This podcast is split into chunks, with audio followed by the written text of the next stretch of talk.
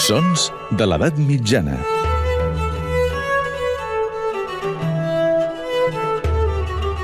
Amb Maria Montes.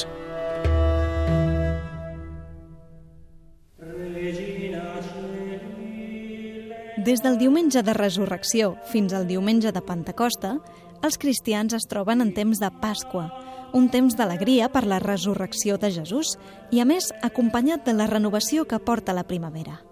Encara avui és possible sentir, durant aquest període, un cant litúrgic específic, el Regina Celi, una antífona dedicada a la Mare de Déu i que sembla que té l'origen al segle X.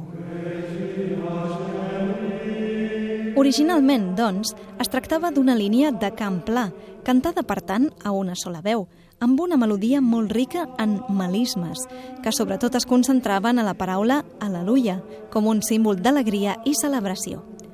Però més enllà d'aquesta melodia gregoriana, la màgia d'aquesta antífona la trobem en la seva persistència en el temps.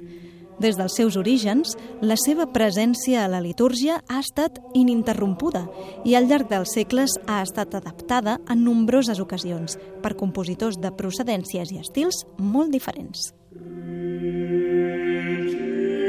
Així doncs, podem sentir l'antífona Regina Celli en versions com les de Cristóbal de Morales, Giovanni Pierluigi de Palestrina i Josquin de Pré, i també les de Joan Pau Pujol, a casa nostra, William Byrd i fins i tot Hernando Franco, un compositor que va desenvolupar la seva carrera a Mèxic durant el segle XVI.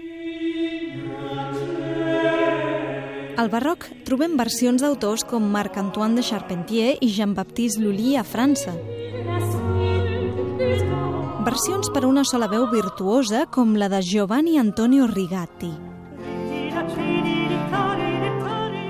I també una curiosa proposta, escrita per l'emperador Leopold I, amb un inici que ens remet directament a les folies. No oblidarem Mozart. Ni tampoc Johannes Brahms. I és que fins i tot compositors com Pietro Mascagni dins la seva cavalleria rusticana i Lennox Berkeley al segle XX han ofert les seves lectures d'aquest Regina Celli. Regina Celli. Acabem aquest viatge mil·lenari com hem començat a una sola veu.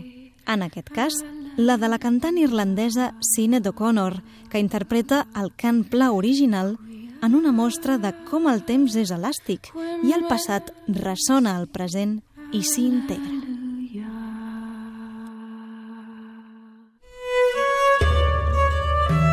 Sons de l'edat mitjana.